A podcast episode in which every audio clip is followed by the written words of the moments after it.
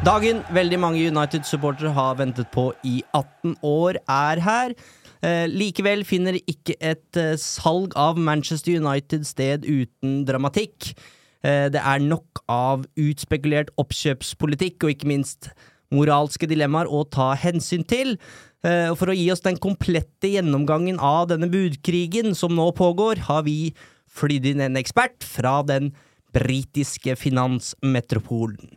Velkommen til vårt beskjedne studio, Bjarte Valen. Tusen hjertelig takk. Dere har fått det veldig fint der. Jeg må si jeg er imponert. Ja, vi har jo pynta med tradisjonelle greier som drakter og flagg og skjerf, men du ville vel kanskje hengt årsregnskapet opp på, på veggen her? Ja, nei, jeg tror ikke det. Eh, jeg legger merke til den eh, drakten fra 99-finalen med, med Solskjærs signatur. Det er kanskje den største dagen i klubbens historie. Den har vi fått låne, mm. med understrek på låne, av eh, kontoret i Bergen. Mm. Ja, det er snilt. Em, hva er det som fascinerer deg med eierskap og eh, økonomi i fotballen, Bjarte?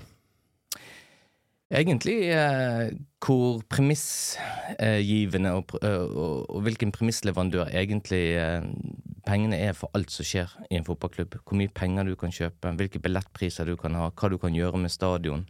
Eh, alt henger sammen med penger i dagens fotball. Og skal du forstå hvordan en fotballklubb drives, og hva mekanismer som er i sving, så tror jeg òg du må forstå hva, eh, hvordan pengene både kommer inn i klubben, og, og hvor pengene går ut igjen. Eh, og, og hvilke områder man gjerne kan kutte i, og hvilke områder man kan eh, få økte inntekter fra.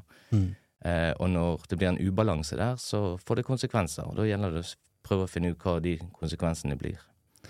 Og det er det vi skal prøve å finne ut litt av nå. Hvilke konsekvenser har det at Glazers-familien nå i hvert fall vurderer å selge Manchester United etter eh, 18 år med et kontroversielt eierskap? Vi sitter her torsdag morgen.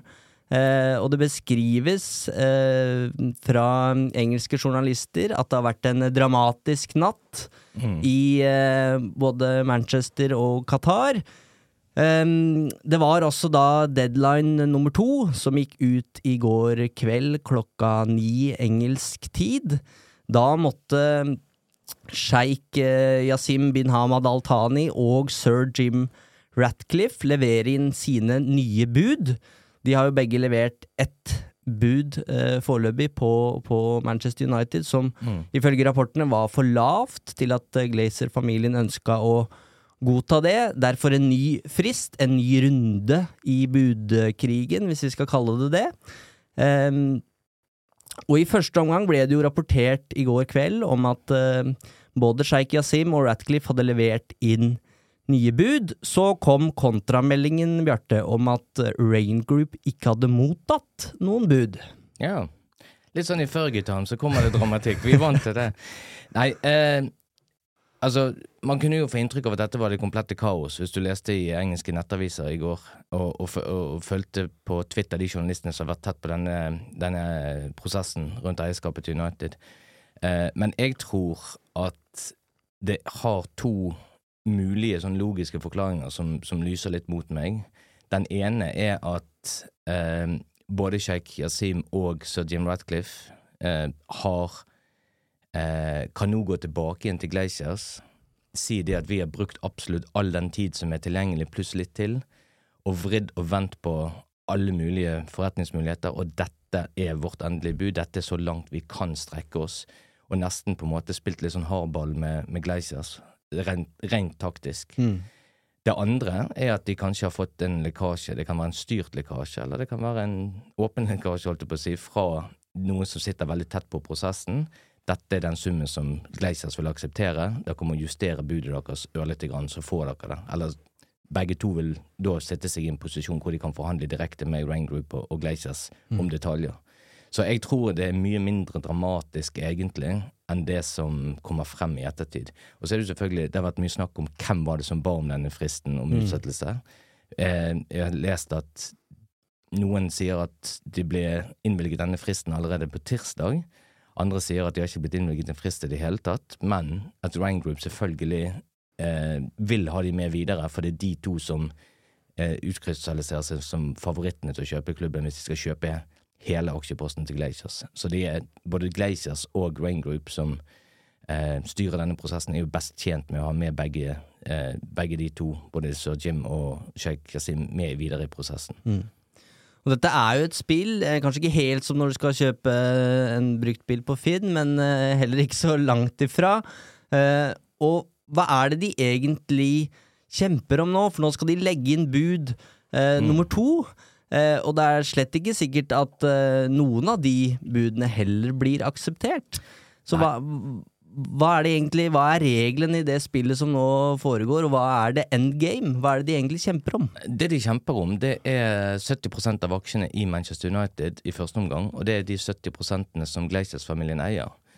Eh, det, det, det er jo en ting som har blitt brukt mot Sir Jim Ratcliffe ganske tidlig i den prosessen her, nemlig at han bare vil kjøpe 70% av United, mens sjeiken vil kjøpe 100% Men ingen av de kan kjøpe mer enn 70% i første omgang. Eh, så må de eventuelt gå i forhandlinger med de andre investorene som har aksjer i Manchester United, om de vil kjøpe ut de òg.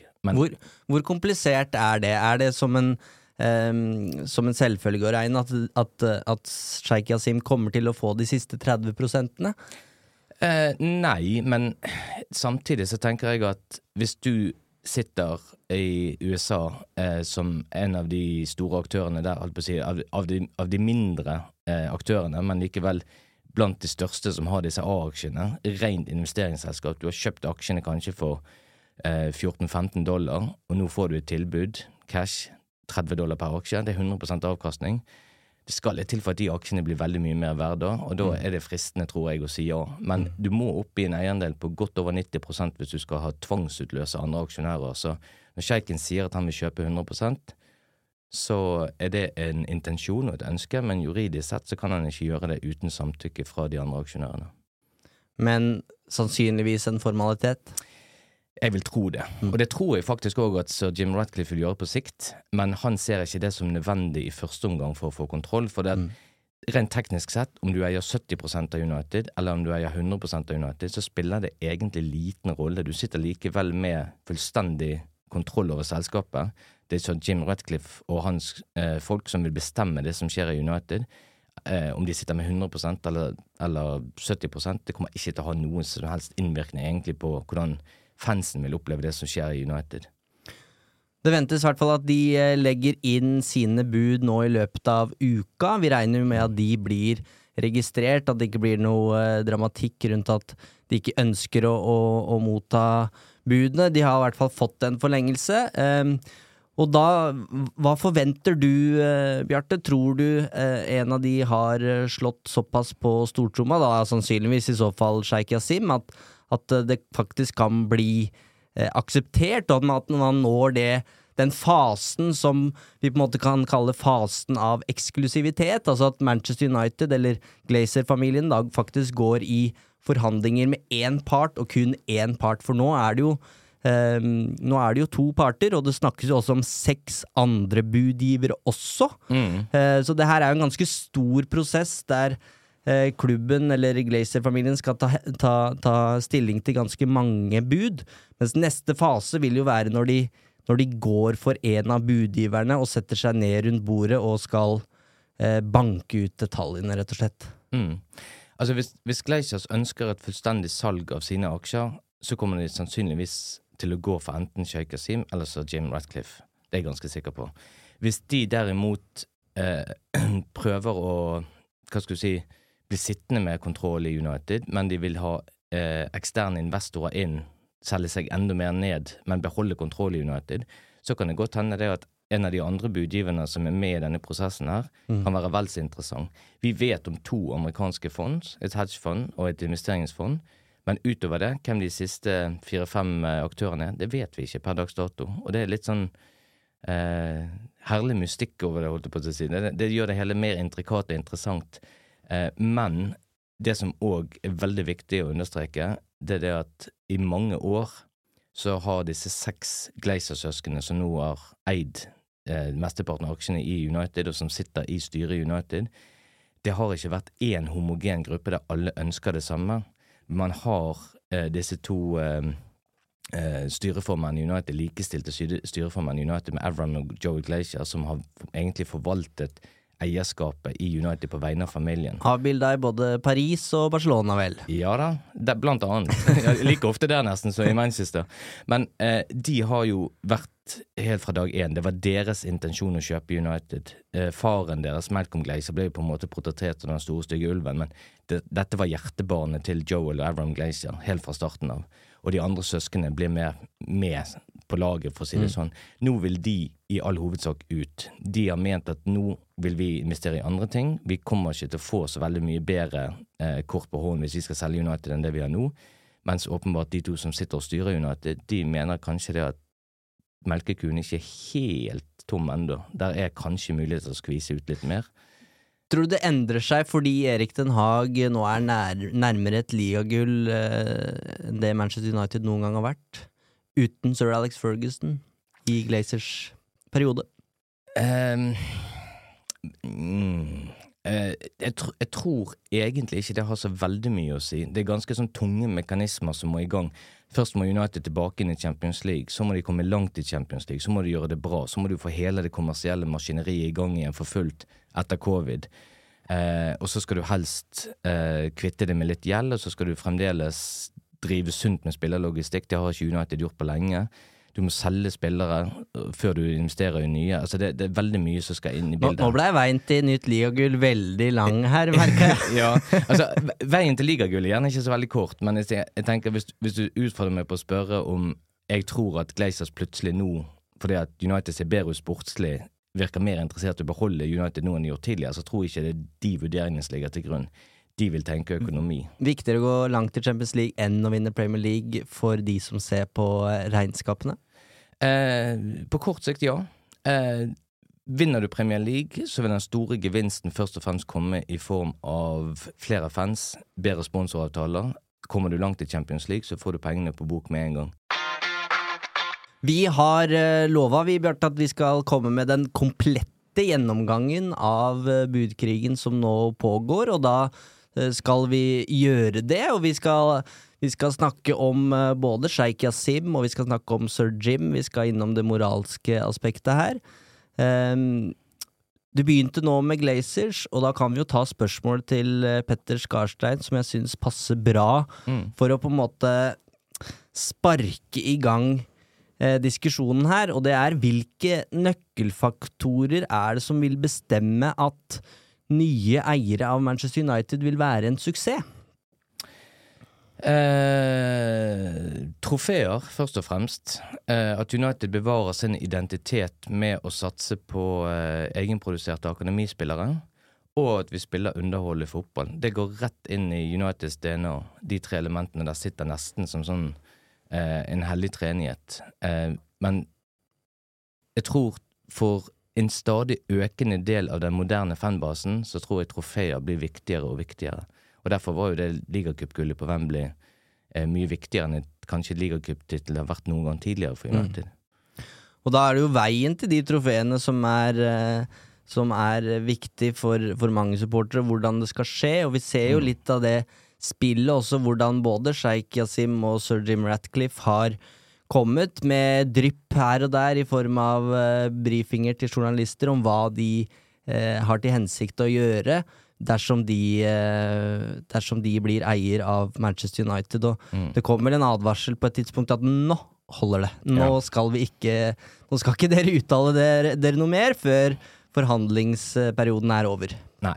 Og det var jo fordi at Rain Group egentlig oppfattet utspillet både fra Sheikh Yasim og så, så Jim Ratcliffe sine PR-folk som kritikk mot Glaciers. Det var helt snakk om å eh, tilbakeføre Manchester United til tidligere storhets, storhet. Eh, det var snakk om å gi Manchester United identiteten tilbake igjen. Det, var, det er jo akkurat dette fansen vil høre, men eh, det er jo samtidig en, eh, en dårlig skjult kritikk med adresse til Glaciers når de sier det de sier. Eh, forståelig, og jeg jeg tror de har vært bevisst på hva de har, hva de har sagt eh, når de har brifet journalisten om dette. Men, men Brain Group sa stopp. Nå eh, har dere vært ute og bekreftet at dere vil kjøpe United, og dere har sagt det dere vil si. Nå eh, let the money talk.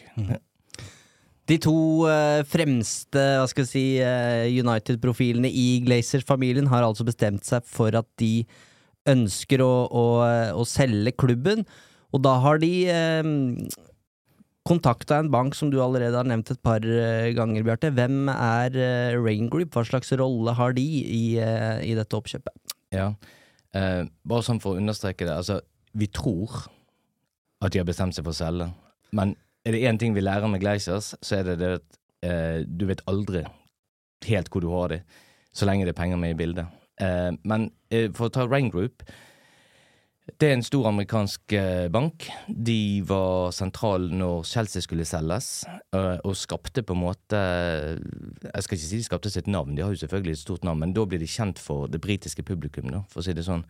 Eh, det var jo en litt annen salgsprosess, for der måtte Roman Abramovic ut av Chelsea så fort som overhodet mulig, fordi at alle hans eiendeler i Storbritannia var frøse pga. hans nære tilknytning til Vladimir Putin og pga. krigen mot Ukraina. Eh, så der måtte det jo en prosess til ganske kjapt. For eh, Chelsea fikk ikke kjøpe spillere, de fikk ikke selge drakter i klubbsjappen, de fikk ikke selge billetter til kampene sine. Altså de, de kunne blitt helt handlingslammet. Så det, der hadde man hastverk. Mm. Det har man ikke denne gangen. Men var det én ting eh, Rain Group lærte der, si, så var det jo hvordan denne prosessen her foregår, og hvordan man filtrerer kandidater. Eh, og så vet de jo òg det at Chelsea ble solgt for en sum til, til Todd Bowley og hans eh, konsortium, som egentlig er mye høyere enn det Chelsea er verdt. Og dermed så tenker de antageligvis akkurat det samme som Glaciers. Da kan vi oppnå det samme i Manchester United. Sannsynligvis en pris på rundt det dobbelte av det klubben egentlig er verdt. Mm. For Manchester United, vi kan bare si det med en gang, det er fotballs Mona Lisa. Denne, denne muligheten til å eie denne unike klubben her, den får disse investorene sannsynligvis bare én gang i livet. Og Derfor så er de villige til å gå veldig mye lenger enn de ville gjort i noen som helst annen businessavtale. Så Glazers har på en måte lagt ut uh, huset, sitt, sitt, engelske hus i Manchester for salg på markedet, og så er det Rain Group som er uh, eiendomsmegleren. Ja, en fin metafor. Det, det, tror du kan si det sånn. Første frist var uh, eh, 17. februar. Fredag 17. februar. Siden eh, så har det jo da vært snakk om Sheikh Yasim og, og Sir Jim. Um, og siden den fredagen, som vel var en De kalte det vel en soft deadline for å melde interesse, um, så har uh, både Sheikh Yasim og Sir Jim Ratcliffe vært på besøk i Manchester. Hva gikk de uh, møtene ut på? Ja, eh, jeg vil tro det er litt annerledes enn de eh, kickoff-rundturene som eh, medlemmene av supporterklubben har vært med på. Men, men, men, sannsynligvis så har det vært en rundtur på Old Trafford. Man har sett litt rundt og hatt litt sånn høflighets... Eh, hva skal du si eh, Litt bilder når så Jim kommer der og hilser på Richard Arnold, og så går de inn alle sammen. Eh, men sannsynligvis så har det vært mer å presentere overordnede mål, overordnede finanspakker, overordnede struktur tankegang. Altså, man går ikke ned i detaljnivå så tidlig i prosessen som dette her. Eh, og så er det jo sånn at altså Rain Group og Glazers, når man sitter disse fristene Det er ikke sånn at de sitter liksom foran datamaskinen med mail og gnir seg igjen og lurer, og sitter liksom og tenker oi, spent på hvem som kommer til å by liksom når fristen går ut om ti minutter. Mm. Altså, dette er jo ting som man vet at det kommer til å komme et bud, man vet at den og den grupperingen er ute av bildet. Man, man, man, man forventer og vet egentlig i stor, stor grad hva som kommer til å skje. Så jeg tror de møtene som har vært på Old Trafford nå, eh, de har i all hovedsak gått med til å snakke om det store bildet. Og så vil man komme ned til detaljnivå seinere, når man eventuelt finner ut hvem man vil gå videre med i den salgsprosessen. Så skal vi huske på det at Manchester United er ikke bare en fotballklubb. Manchester United består av en haug med ulike dataselskaper. Der er eiendomsselskaper, der er en TV-stasjon, der er finansieringsforetak, er et eget firma under Manchester United som kun har én oppgave, det er å passe på merkevaren til Manchester United, altså eh, copyright. Mm. Eh, altså det, det, er et konglomerat av forskjellige selskaper under, og alt dette skal jo på en måte med i dragsuget, eller med i overførelsen. Så dette her, de advokatene som blir sittende med dette her i ettertid, har jo eh, en travel eh, vår foran seg. Mm. For å spille videre på hussalgsmetaforen, da, så har jo det her på en måte vært en visning. Mm. Eh, Sheikh Yasim og, og, Ratcliffe har meldt interesse, eh, og så har de blitt invitert til Old Trafford. Eh, på en måte for å vurdere, vurdere husets eh, tilstand. Er det noe mugg her og der? Ja, Hvordan Taket lekker, dårlig start. ja.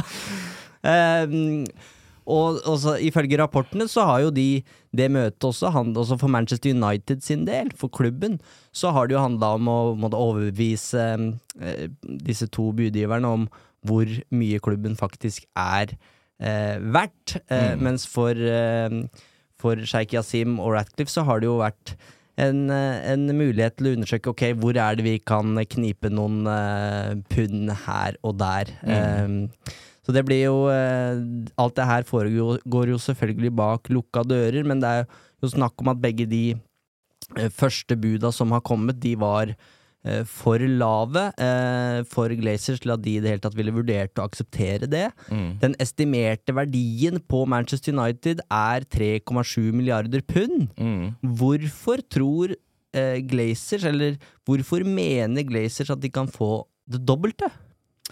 Ja, og når du sier 3,7 milliarder pund, så er jo det egentlig mer enn det markedet mener at United er verdt, hvis man ser på de omsettelige A-aksjene og, og ganger opp med antall aksjer som er i klubben. Eh, poenget egentlig er at Glaciers, og det tror jeg òg eh, de aller fleste er enig i, ser på Manchester United som en så unik mulighet. Dette er, som vi var inne på tidligere, fotballens Mona Lise. Denne muligheten her får du kanskje én gang i livet. Og da kan de forlange en pris som er egentlig mye høyere enn det som både er en markedspris, og det som er en, hva skal du si, nesten en fornuftig pris. Og så er det jo sånn at både eh, Sheikh Yasim og hans eh, 92 Foundation, eh, som eh, hvis, du, hvis du går og ser på hva han har vært involvert i i Qatar av finansforetak, og hans rådgivere Dette er jo ekstremt dyktige mennesker som kan business til fingerspissene. Det samme må du jo si om Sir Dean Ratcliffe og det han har bygget opp med Inios. Eh, hvis de trodde at det å eie Manchester United kom til å bli et vanvittig tapsluk, og at det kun handlet om å sole seg i glansen av Manchester United-symbolet og pryde seg med bakt djevel på, på klubblogoen til United, så hadde ikke de gjort dette. For under alt hva skal du si, glansbildet av å være en del av Manchester United, så ligger det òg en forventning på lang sikt om at vi kan faktisk tjene penger. Det er mulig. Og veldig mye fokus har nå lagt på under Gleisjas, hvordan kan vi få mest mulig eh, kommersielle avtaler, hvordan kan vi få næringslivet til å sponse United, hvordan kan vi maksimere profitten der. Eh, du ser jo det at de kommersielle inntektene i United vokste jo vanvittig de første årene, eller fra 2010 og fremover under Glaciers. Men så har jo de andre klubbene egentlig tatt litt innpå United, hvor United har stått litt stille. For det, det kan virke som markedet på en måte er litt mettet. Du, du klarer ikke å I hvert fall så lenge de ikke vinner de titlene de eh, ja. sikter etter. Så når United da inngår en eh, syver sponsoravtale med Chevrolet for eksempel, tilbake inn i Det var vel 2012 avtalen ble inngått. Begynner å gjelde fra 2014-15, var det vel, når Louis van Gaal kom inn. Ja. Eh, Mm. Så, så er jo det en avtale som gir de over eh, 50 millioner pund i året. Og du tenker det at når de skal da reforhandle en ny draktavtale syv år seinere, så må jo de i hvert fall få 50% mer. Nei, det virker som markedet er litt mertet. Så når de da går inn med Teamviewer, så går faktisk verdien på avtalen litt ned. Eh, og United sier jo selvfølgelig det at ja, vi ville ha de som sponsor fordi at de passer inn i vårt nye bilde, men vi satser digitalt, vi skal ha digitale sponsorer, det ser du hele veien nå. Men jeg tror jo det at hvis det var et firma som hadde betalt dobbelt så mye som Team gjør, så jo ikke United nølt to sekunder med å gå for de istedenfor. Eh, men det som jeg skulle til å si, det er at mens det tidligere har vært et veldig fokus på det kommersielle og business-sektoren, så tror jeg mer og mer av fremtidige inntekter nå eh, vil dreie seg om å se på disse såkalte 1,1 milliarder fansen og følgerne som er med United worldwide. Eh, og du kan jo sjøl tenke deg, hvis United hadde klart å skape noe eksklusivt innhold, enten livestreaming av deler av en fotballkamp, eller, eller et eller annet som gjorde at folk hadde vært villige til å betale la oss si ti kroner i året, da, og at bare 10% av de 1,1 milliardene hadde vært villige til å betale 10 kroner i året for det, så hadde du tjent den første milliarden allerede der. De har jo allerede leika med tanken, fordi Mm. Manchester United har vært en del av et superligaprosjekt Mm. eh, som nettopp handla om det her med eksklusive Enda mer eksklusive, Ja. da! Og luksuriøse TV-rettigheter. Mm. Og, og det viser jo litt hvordan Premier League egentlig er under press, fordi at inntektene til Premier League-klubbene, de største klubbene, vil ha mer. Premier League sin TV-avtale er veldig solidarisk utformet. Eh, du ser selv, selv det laget som ender sist i Premier League, de tjener over en milliard kroner på den sesongen. Og, det er derfor det er så vanvittig viktig å komme seg opp i Champions League, nei, sorry, opp i Premier League, for de lagene som ligger i Championship. Eh, de satser det de remmer og tøy holder for å klare det, for de vet at kommer de opp i Premier League, så er det liksom den, den store payday. Den er der. Eh, og det, det, er så utrolig viktig for dem. Men for en klubb som Manchester United, Liverpool, Manchester City, eh, Arsenal kanskje, som tenker at det er vi som faktisk drar populariteten til ligaen. Det er ikke Brentford, Brighton eller Southampton. Vi må ha en større del av den kaken her. Dette er ikke rettferdig. Det er, det, jeg sier ikke at det er riktig det de sier, men det er deres argumentasjon. Og på et eller annet tidspunkt så lurer du på hvor lenge liksom Premier League kan beholde den solidariske modellen de gjør. Enn så lenge så er nok de mindre klubbene, hvis du kan bruke sånt uttrykk, mm. i flertall, for hver klubb har én stemme, ferdig arbeid. Eh, og da blir det sånn at de seks store de blir nedstemt. Mm. Men de er tross alt de seks mektigste. Eh, så hvor lenge klarer man å holde, eh, holde på den solidariske modellen man har i, i, i Premier League? Det blir spennende å se. Det er det ingen vet. Hver gang eh, de nasjonale eller internasjonale mediene skriver om den saken her, så snakkes det om nytt rekordbud. Mm. Vi har nå eh, snakka litt om, om, verdien, men hva, hva tror du eh, de nye buda fra, fra Sheikh Yasim og Ratcliffe vil ligge på? Hva, hva tror du blir eh, det siste budet som vil bli akseptert? For det snakkes jo om at, eh, som sagt, at Glazers håper på Eh, det dobbelte av det, det, det, klubben er verdt, og da snakker vi seks-sju milliarder pund. Ja. Um, jeg husker jeg har diskutert dette eh, med, med, med, med, en god del som kan dette her ganske mye, og de har ment at mens Gleiser hele tiden har sagt at de er langsiktige eiere i United, og dette er en maraton, det er ikke et sprint og alt dette så har de så er det veldig mange som har sagt at hvis de får et bud at Nå går vi gjerne seks-syv år tilbake. Eh, hvis de får et bud på to milliarder pund for sine aksjer, så selger de. Jeg har hele tiden ment at det er for lavt. Jeg tror de må i alle fall opp på tre og en halv til fire. Eh, mange mente at jeg var helt urealistisk. Men det viser seg at jeg faktisk har undervurdert Gleiser sin grådighet, hvis du kan si det på den måten. Mm. Eh, så har jo selvfølgelig verdien og pengene siden de siste fem årene bare økt og økt og økt, sånn at det har liksom gått proporsjonalt opp. Men eh, hvis Gleiser får en plass mellom de første budene Du skal jo ha lagt rundt 4,5 milliard, og Gleisers vil ha nærmere 6.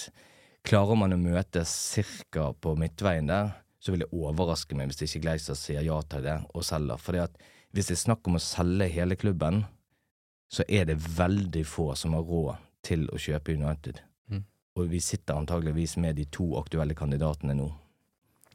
Hva er det som skiller budet til Sheikh Yasim og budet til Ratcliffe? Du har allerede vært inne på det som er den mest vesentlige forskjellen, altså at Sheikh Yasim vil eh, helst over 90 %-grensa, så han kan, mm. kan kjøpe ut eh, også de de ti siste prosentene, og dermed sitter med 100% kontroll på, på, Manchester United, mens eh, Ratcliffe har eh, har uttalt at han, han, går for de 70 prosentene. Dermed er det 30% som, som fortsatt eies av andre. Mm. Um, men hvor, hva veit vi om, om uh, hva Sheikh Yasim og, og, Ratcliffe vil gjøre med klubben? Eh, altså sånn På kort sikt så har, jo, så har jo budet fra Qatar Det klinger jo veldig bra i enkelte fans sine ører, fordi at han har sagt at han skal slette gjeld. Eh, og Uniteds nettogjeld i dag står på ca. 640 millioner dollar. Jeg skal vi gå på siste kvartalsrapporten. Det er ganske mye penger. Den har gått opp ganske betydelig etter covid. Eh, det sir Jim Ratcliffe sa, var at han ikke skulle tilføre Manchester United noe ny gjeld. Ergo det er ikke sikkert jeg kommer til å ta tak i gjeld som det første jeg gjør. Eh, jeg ser ikke det som et stort problem, for gjeld til United i dag kan bli et problem hvis Glazers fortsetter å eie klubben. For de er ikke finansielt eh, sterke nok til å eh, kunne håndtere den gjeld enkelt, for å si det sånn. Altså, en gjeld er ikke et problem i seg sjøl. Den blir et problem dersom du ikke har eh, nok finansiell tyngde til å kunne håndtere den. Og så Jim Ratcliffe, med et selskap i ryggen som omsetter for ja, nærmere 70 milliarder dollar i året, det er ikke et problem for United å ha 600 millioner pund i gjeld, eller 600 millioner dollar i gjeld, så lenge du har den investeringen der, eller muligheten der med det selskapet i ryggen. Det jeg tror han er mer opptatt av, det er at strukturen i Manchester United må være mer tilpasset fremtiden, og så skal vi se på det med gjeld på sikt. Det er ikke sikkert det er hensiktsmessig å bare cashe ut gjeld med en gang. Det kan være skattetekniske ting til det. Eh, og så sier jo òg um, Sheikh Yasin, for å hoppe litt her, at, at, at, de er interessert i å, enten bygge nytt Old Trafford eller investere i treningsanlegg og alt dette. Eh, og det er jo selvfølgelig sånn som høres veldig fint ut for fansen, men rent på kort sikt så tror jeg ikke fansen til United vil oppleve en veldig stor forskjell om en eier, ny eier kommer inn og har 70% av klubben eller 100% av klubben eller om klubben har 600 millioner i gjeld, så lenge eierne er, hva skal si, er så rike at egentlig ikke det blir et problem på kort sikt. Eh, det handler mer om Vi må prøve å se dette her i et 10-15-20 års perspektiv. Mm. Kan man si at uh, under Sir Jim så vil United Altså det vil være et langtidsprosjekt, men Sheikh Yasim vil være et mer kortsiktig prosjekt, der han vil gjøre drastiske endringer på kort tid? Det lurer Olav uh, på. Jeg tror det er et veldig godt spørsmål. Jeg tror det er en god observasjon, for det, er akkurat den tanken som har slått meg òg. Uh, hvis Qatar går inn og, og, gjør det de sier de skal gjøre, nemlig legge til rette for å bygge ny Old Trafford eller totalrenovere Old Trafford, eh, slette gjeld, eh, gi Erik Den Haag de eh, mulighetene på overgangsmarkedet, så er, jo, så er det jo en vanvittig utgift. Og på en måte så må de få noe igjen for det. De gjør det ikke bare av velvilje. Og hvis ikke de kan få igjen penger, så må de få igjen i et bedre omdømme i, i, i form av dette er jo klassisk sportsvasking. ikke sant? Altså, de, de, de kjøper seg et bedre omdømme da, på mm. kort sikt. Mens Sir Jim eh, Det er jo selvfølgelig de som har poengtert at det handler om greenwashing. Altså, eh, fordi at han har slått seg opp på kjemikalier, plastikk, alle sånne ting som vi i fremtiden sikkert vil prøve å fase ut mest mulig. Eh, men han har òg vist at han kan investere i andre ting. Han har òg vist at han har en, en, eh, en, langsiktig strategi og tankegang på veldig mye av det han gjør. Og når vi sier at han har slått seg opp på, på kjemikalier og dette, eh, veldig mye av det han har gjort, er jo å flytte verdier fra selskap til selskap. Om det er kjemikalier, eller om det, han har gjort det med blomster eller biler. altså i teorien så viser det bare at det er en forretningsmann som vet hva han gjør, og hvordan det er smart å flytte penger. Så er det selvfølgelig begge disse to omgitt av veldig, veldig veldig kloke og gode rådgivere. Mm. Det er vel Sheikh Yasim som har vært mest offensiv med hensyn til hva, eh, hva slags scenario vi kan se for oss på Old Trafford. Eh, han eh, vil jo ikke bare investere i laget, men også i Old Trafford og i kvin mm. kvinnelaget og i, i akademiet. Uh, vi har fått et spørsmål fra Erik uh, Herstad, som spør om vi har noen tanker uh, rundt hvordan overgangsvinduet kan bli med nye eiere, hvis f.eks. Sheikh Yasim blir ny United-eier i løpet av våren. Er det da realistisk med ny keeper, ny midtbanespiller og ny spiss, f.eks. Diogo Costa, Jude Bellingham og Harry Kane eller Victor Ossimen, eller vil ikke det være mulig? Ehm, med tanke på financial fair play, spør eh, Erik. Eh, det er litt viktig å holde tungen beint i munnen. For det første, når han nevner konkrete spillernavn, så eh, overlater det til Erik Den Haag og John Murtog. De har helt sikkert sin plan med både prioritert A, B, C og D i de ulike posisjonene. Så kommer det an på hvilke spillere United kan selge og alt dette greiene her. Når det gjelder Financial Fair Play, bare for å ta den først, så er jo det er litt vanskeligere av og til å begripe seg på enn det man skulle i utgangspunktet tro. Veldig godt eksempel igjen, Chelsea. Det de har gjort nå, de har gått fullstendig bananas både i sommer og i vinter med sine spillerkjøp. Og mange lurer jo liksom på at det er jo ingen sjanse for at de kan holde seg innenfor Financial Fair Play-regelverket. Men det Chelsea gjør, og det, det, det, er en risikofylt modell, det er en kjemperisiko de tar, men det de gjør, det er å skrive kontrakter på syv-åtte år med disse spillerne, og dermed så kan man avskrive eh, over mange flere år. Man kutter veldig på kostnaden. Mm.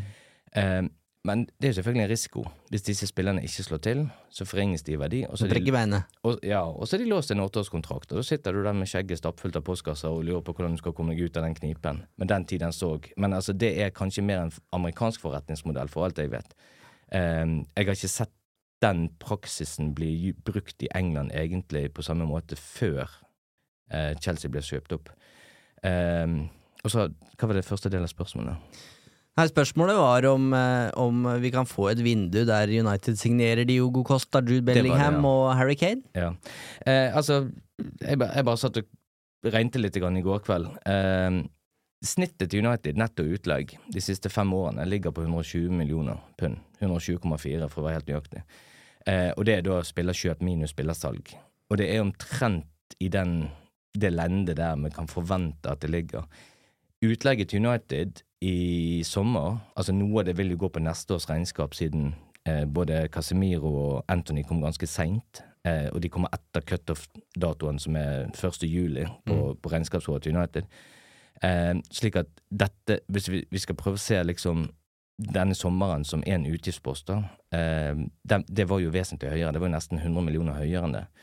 Eh, så det var en sånn det, Så mye penger, det sa United òg, kan vi ikke fortsette å bruke. Det var en grunn til at vi lånte vårt Weghorst og, eh, og Sabitzer i, i, januar fremfor å gå inn og kjøpe, selv om det var ganske åpenbart at vi trengte forsterkninger.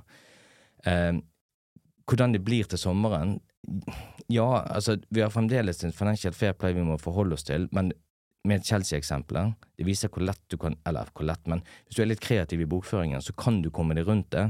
Hovedpoenget du skal jo ikke bruke mer penger enn det økonomisk er forsvarlig. Mm.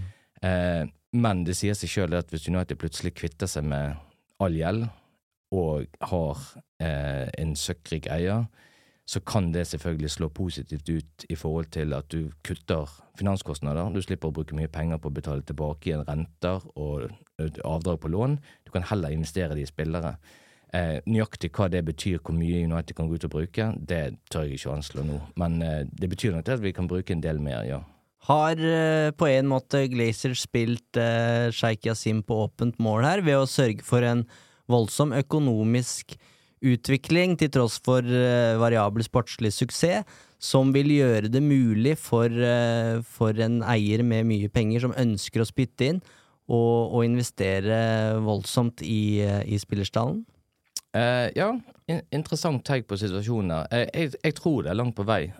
På samme, på, samme, måte så tror jeg egentlig at um, hvis du, ser, hvis du ser på Hvis du skal se litt kynisk på Glazer sitt eierskap og tenke sånn at ok, hvis det handler om å bare rett og slett bygge verdien på Manchester United selv om det er de som sitter med gevinsten sjøl, egentlig. Men hvis du skal se bare det å bygge verdien på Manchester United, så har jo de egentlig vært ganske smarte businessfolk, og de har gjort de riktige tingene helt frem til nå. Men nå tror jeg deres begrensninger og deres modell egentlig har kommet så langt som man kan komme. Nå er du avhengig av noen som sitter eh, med større kapital er rett og slett mer velstående enn de for å ta det neste steget, eh, og klare å se eh, Tåler å, hva skal du si, sitte med den gjelden, eller har kapital nok til at den gjelden overhodet ikke er noe problem, og man kan begynne å tenke fremover. Hvor kan man investere? Skal man bygge ny Old Trafford? Mm. Det er jo ingen tvil om at under Glaciers så vil United ha en kjempeutfordring hvis de skal oppgradere Old Trafford eller bygge ny stadion, og man snakker om utgifter på eh, mellom 5 og 15 milliarder. Eh, alt etter om man vil bygge ny stadion eller oppgradere det eksisterende. De pengene kommer det til å bli vanskelig for Glaciers å låne.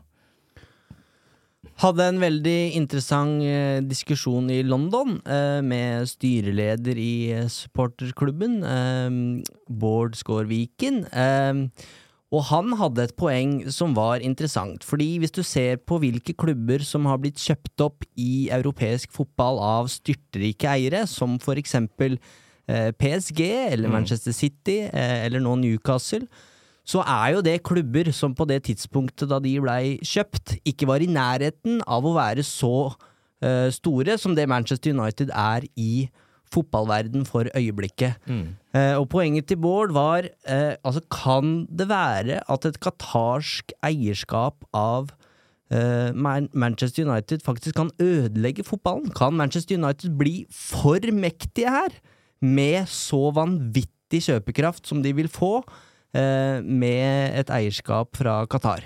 Uh, I utgangspunktet, jeg ser problemstillingen, uh, men jeg tror konkurransen på toppnivå i England er så sterk at det kan godt hende det at en klubb som Liverpool kan få trøbbel fordi at de ikke sitter på de samme uh, rike eierne, eller en klubb som Tottenham kan få trøbbel, for de sitter med en rådyr ny stadion, så de skal finne en måte å finansiere den på. Eh, spesielt hvis ikke de kommer til Champions League. Men eh, at United vil på en måte ha eh, en evigvarende konkurrent i Manchester City, som har eh, sine eiere fra Midtøsten. Eh, eller at eh, Newcastle, som nå òg kom på banen med, med Public Investment Fund fra Saudi-Arabia eh, Altså, man, man, snakker om sånne summer her, hva de, hva de eh, egentlig er gode for, at det er nesten helt vanvittig. Så jeg tror egentlig ikke det at United vil ikke bli så rik at de kommer til å utkonkurrere Newcastle eller Manchester City på, rikdom. Blir ikke Mbappé i sommer, Haaland neste sommer? Nei, jeg tror ikke det. Altså, det jeg er mer bekymret for, det er jo eh, bindingene disse klubbene har til de ulike statene. Eh, altså, vi kan bare ta, vi kan bare tillate meg å ta et lite eksempel nå. Vi kan se på de Hvis vi ser på de 20 største eh, eh, nasjonale fondene som er i verden, altså eh, det største av alle Norske oljefondet, Statens mm -hmm. pensjonsfond utland. Mm -hmm. eh, håper vi får nyte godt av det en dag. Men ser du på de 20 største fondene som finnes av den typen i verden, så er 11 av de fra Midtøsten. Og det viser hvilken enorm rikdom som finnes der nede. Eh, og hvis du tar Newcastle som et eksempel, for bare for å illustrere hvor, hvor vanskelig dette her kan være eh, Yasir al-Ramayan, som da er formann i Newcastle blitt det nå, gjennom det at eh, The Public Investment Fund i Saudi-Arabia eier 80% av Newcastle. Han er jo egentlig delvis blitt beskyldt for å sitte som en del av regjeringen i Saudi-Arabia, og at dermed så er det delvis statsstyrt. Eh, han sitter òg som leder i det statlige, eller Public Investment Fund, men på en eller annen måte så har man klart å organisere dette på en sånn måte at man har overbevist Premier League om at det er ikke staten Saudi-Arabia som eier Newcastle, og det er det kanskje ikke heller, rent sånn juridisk, men det, det, det er jo noen spørsmål som vil melde seg automatisk her. Mm. Eh, hvor, hvor, tette forbindelser er det? Og de spørsmålene kommer jo til å bli stilt eh, hvis det er sjeik Yasim som kommer til å gå seirende ut av dette. Hvor, hvor, hvor tett er han knyttet opp til, eh, til styresmaktene i Qatar? Og veldig mange av de Premier League-klubbene nå som har sett overtakelsen av Newcastle, de vil jo ha en ny runde og en ny vurdering av hvor tett de forgreiningene der er.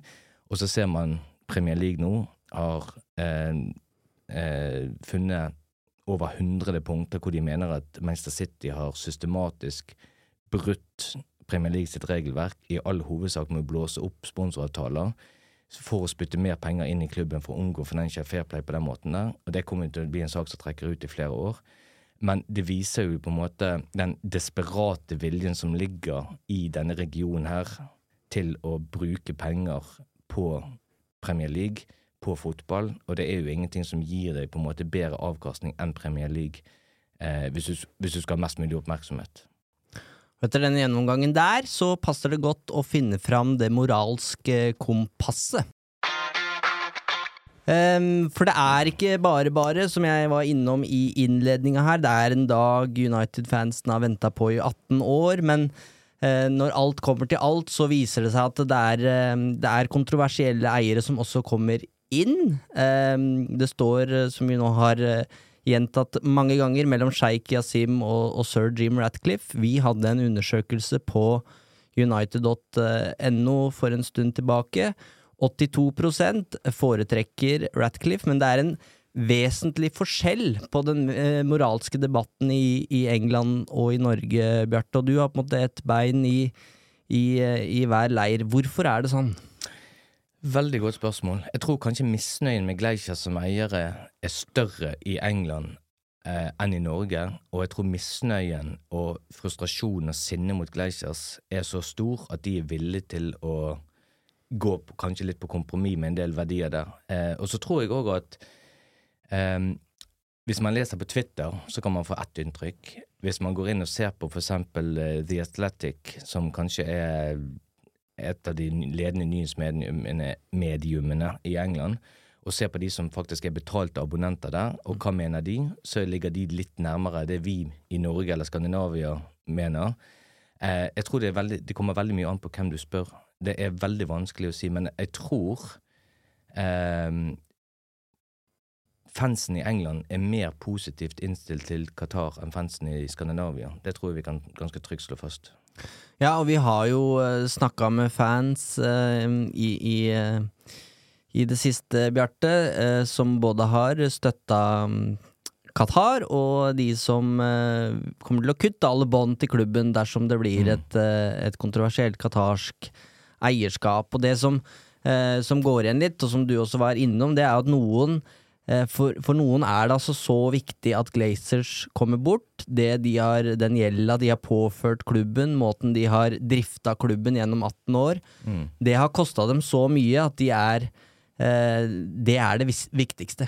De må bort, koste hva det koste vil. Mm. Eh, og man setter på en måte det sportslige først, og velger å egentlig se bort fra det moralske eh, her, da. Fordi mm. ingen av de jeg har snakka med eh, forsøker å forsvare Qatar. Eh, og de åpenbare utfordringene de har knytta til menneskerettigheter, homofiles eh, rettigheter eh, i, i, landet, hele historien rundt eh, migrantarbeiderne og VM. Mm. Alle ser problemet, men det handler litt om hvor du setter grensa. Ja. Og så er det jo en del som sier, og jeg forstår det argumentet, hvorfor skal United på en måte være sånt uh, moralsk politi når Manchester City ikke var det, Newcastle var det ikke, PSG var det ikke. Og så vet vi jo det at eh, spanske klubber og tyske klubber, det, der skal det være en viss fanrepresentasjon, så man kan ikke gå inn og kjøpe de klubbene på samme måte. Og hvor er det de store, interessante klubbene finnes da? De finnes i England, de finnes i Premier League.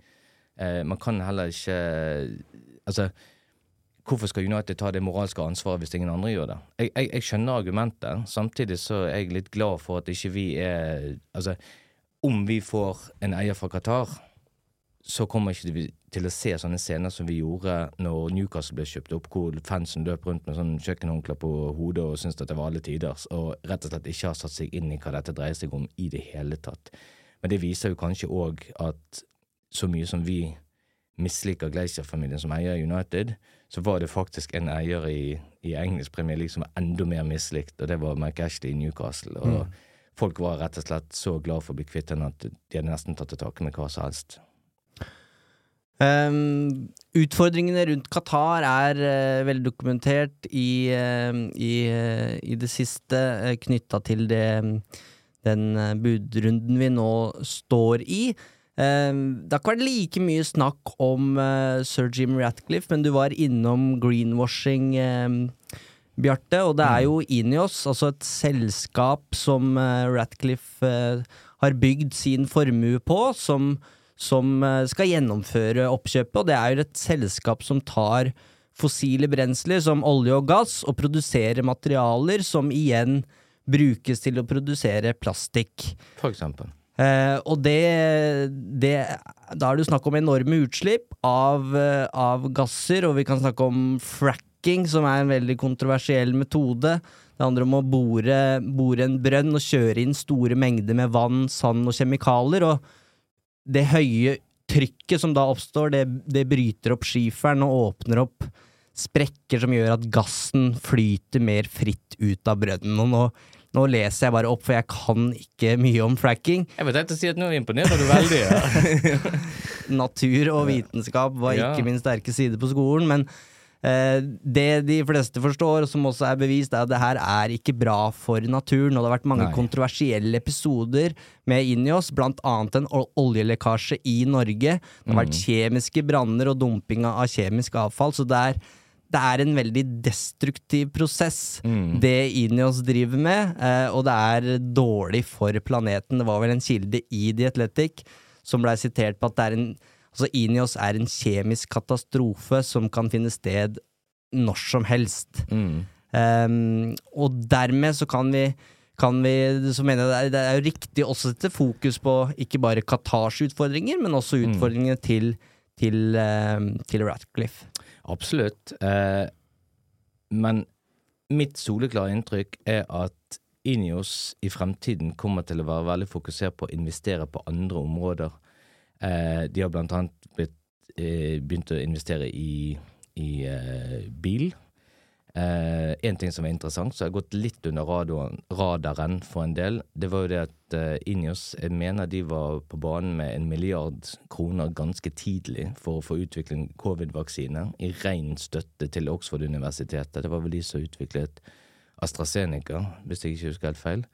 Eh, og en del tar litt sånn moralsk samfunnsansvar. Nå skal jeg ikke bare forsvare de for alt det er verdt, men men at de ser etter andre investeringsmuligheter enn bare klassisk kjemi, olje, kjemikalier, eh, ting som bryter ned naturen. Eh, på samme måte som Qatar begynner å se fokuset, ta fokuset litt bort fra bare olje og gass, men begynner å se på hva andre ting vi kan skape verdier i. Eh, og det er jo litt sånn som eh, eh, eieren av Manchester City, når Sheikh Mansour kom inn der det var jo veldig mange som allerede den gangen der, selv om man ikke var like bevisst på det begrepet sportsvasking, så var det en del som sa det at dette blir bare et leketøy for han, og bla, bla, bla. Eh, men det var en mye mer bevisst strategi for å bygge opp noe nytt, for å bygge opp eh, en organisasjon. Litt sånn som Disney-konsernet, med masse underselskaper. De har jo klubber både i USA, Australia, er invitert Kina med inn. Altså, det er blitt en veldig sånn stor organisasjon. Så, eh, så, det var jo en tanke der å flytte investeringene. Og så skal vi huske på det at eh, både Qatar eh, og en del firm, eller større fond nede i Midtøsten, de er jo allerede i dag veldig tungt inne på eiersiden av noen av de mest fasjonable bygningene, f.eks. i London.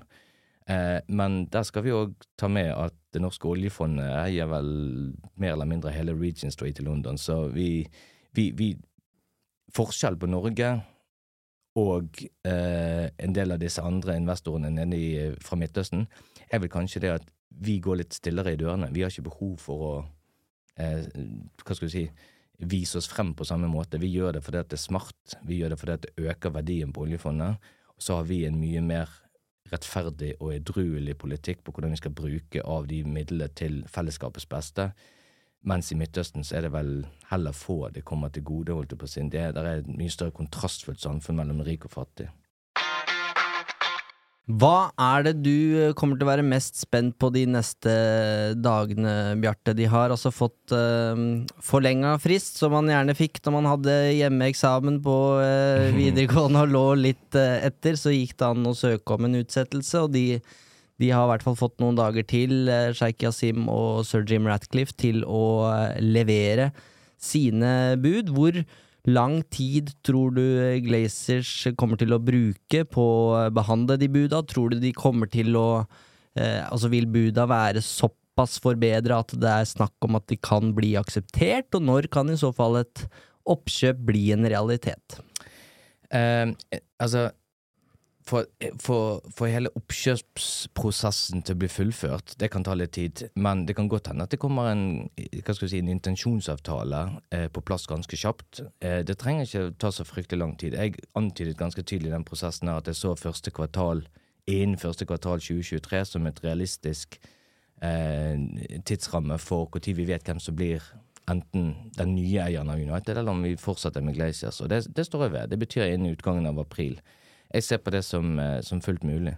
Og det tror jeg egentlig de aller fleste vil synes er ok. Gleisers vil ha sikkert en avklaring. Disse som byr på United, vil ha en avklaring. Erik Ten Hag vil sikkert ha en avklaring, for han kaster vekk veldig mye tid på å se på spillere United ikke har råd til likevel.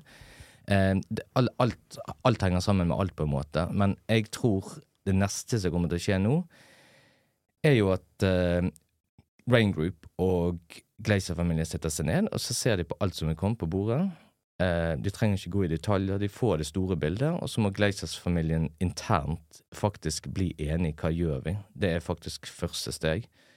da handler det vel om at budet bare må være fristende nok for ja. de andre søsknene som ikke er helt eh... ja. min, min, min, min, forståelse av situasjonen nå er at det sitter to, eh, to av søskenflokken på seks og presser prisen opp på vegne av alle sammen og håper det at Stol på oss, vi skal få mest mulig for det. Altså Det er mer den filosofien, nesten. Mm. Eh, og så er det da spørsmålet hva, hvor langt kan man strekke seg? Eh, og som du sier eh, Kommer, kommer de til å sitte seg ned rundt forhandlingsbordet eh, med sir Jim, eller blir det Sheikh Kasim, eller blir det noen andre? Eh, da blir det i så fall hvis, tror, hvis, hvis, dette kommer til å dra ut i langdrag, så tipper jeg at de kommer til å være interessert i å snakke med noen av disse amerikanske fondene eller investeringsbankene som er interessert i å, å å sy sammen en eller annen finansieringspakke. Og det er godt mulig at Gleisers vil se på mulighetene for det før de eventuelt bestemmer seg 100% for at nå selger vi. Samtidig, som vi var inne på helt i starten, det at eh, sir Jim Ratcliffe og, og eh, Sheikh Kasim fikk utsatt frist, tror jeg tyder på at man begynner å nærme seg eh, en pris som Glaciers kan godta, og at dette her er på en måte enten en styrt lekkasje, at nå, nå må dere bare justere budet sånn at dere kommer nærmest mulig her, eller at de rett og slett har tatt taktisk grep og sagt at ok, nå har vi strukket oss så langt som overhodet mulig mm. her. Og jeg tror ikke jeg tror, jeg tror, ikke det er noe særlig poeng i å starte en åpen budrunde nummer tre for å skvise enda mer ut. Jeg tror egentlig det at nå sitter de to Dette er den avgjørende pokerrunden. Ja, nå er det det siste kortet som skal opp. Ja, altså, jeg, jeg tror egentlig nå det vil være Det vil ikke nødvendigvis være så mye penger det står på. Det vil være eh, måten det skal betales på, hvor kjapt kan det betales, eh, hva muligheter ligger. For eksempel, jeg så blant annet at en av grunnene til at Qatar nevnes som en favoritt, er at Qatar har gitt eh, åpnet opp for muligheter for investeringer og forretningsforbindelser med Glaciers i Qatar når denne overtakelsesprosessen er fullført. Det kan være en medvirkende årsak. Selv om Jim Ratcliffe sitter med det høyeste budet, så kan det godt være at Glazers tenker at mm, kanskje det er en Ja, investerer vi i Qatar, eller får de til å investere i våre selskaper i USA? Kan det godt hende det at vi selger United billigere, men på sikt så tjener vi mer penger på å gå for den løsningen. Det er ikke Altså, hvis det ikke er ett bud som er vesentlig høyere enn det andre, eller at det er klar forskjell der, så er det ikke nødvendigvis det høyeste budet som vinner. Det er totalpakken som avgjør. Eh, men noe forteller meg at Qatar er villig til å ha en større ramme på den Qatar, eh, totalpakken enn eh, Jim Ratcliffe.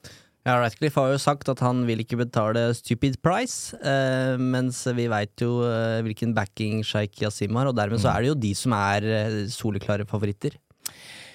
Eh, ja, egentlig. Det vil overraske meg litt, grann, eh, men samtidig så er det jo businessfolk. sant? Eh, de vil ikke bli tatt for Det er litt sånn som når Manchester United forteller at de er interessert i en spiller, så går jo prisen opp med 50% med en gang, har du inntrykk av.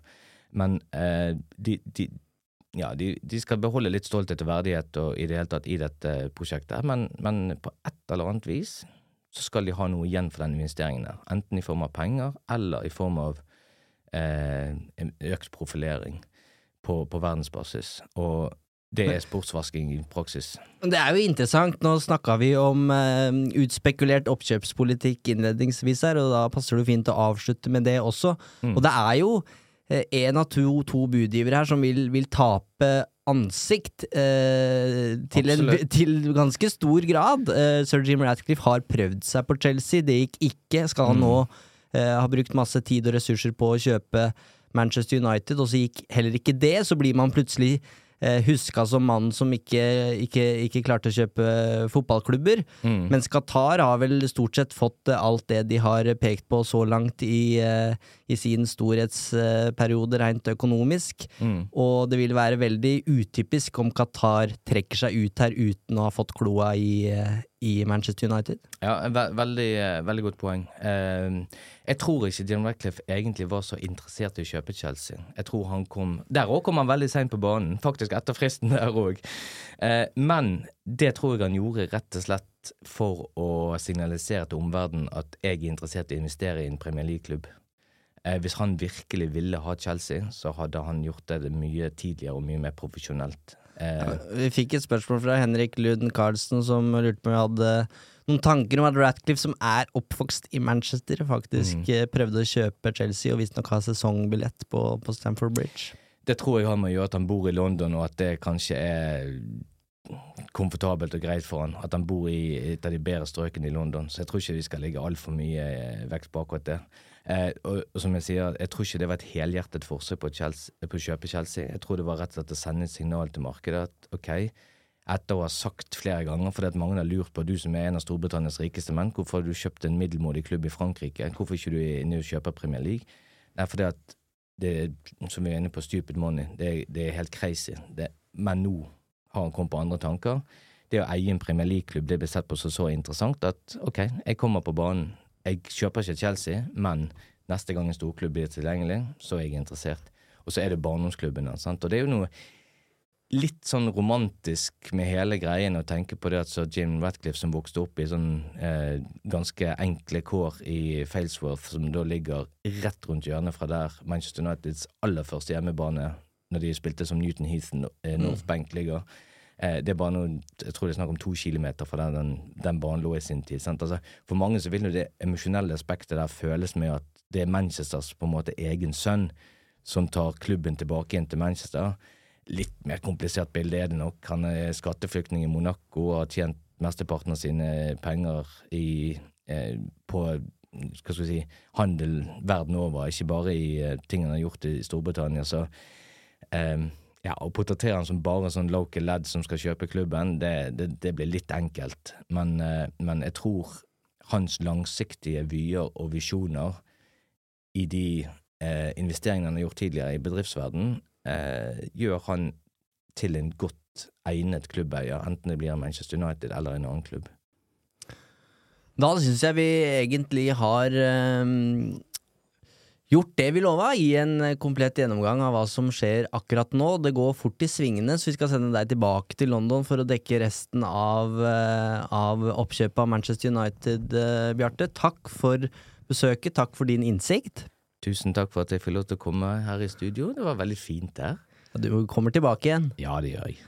Vi er tilbake, vi, på eh, mandag med Jon Martin Henriksen ved spakene. Da kjører vi en rein spørsmålsepisode, og vi har klart å fiske fram en påskekurv til med diverse greier. Ikke noen årsregnskaper i den heller, men eh, det er noe United-hansker og uh, snop til påske, så følg med på Instagram, så får du muligheten til å få kloa i den. Uh, enn så lenge, på gjensyn.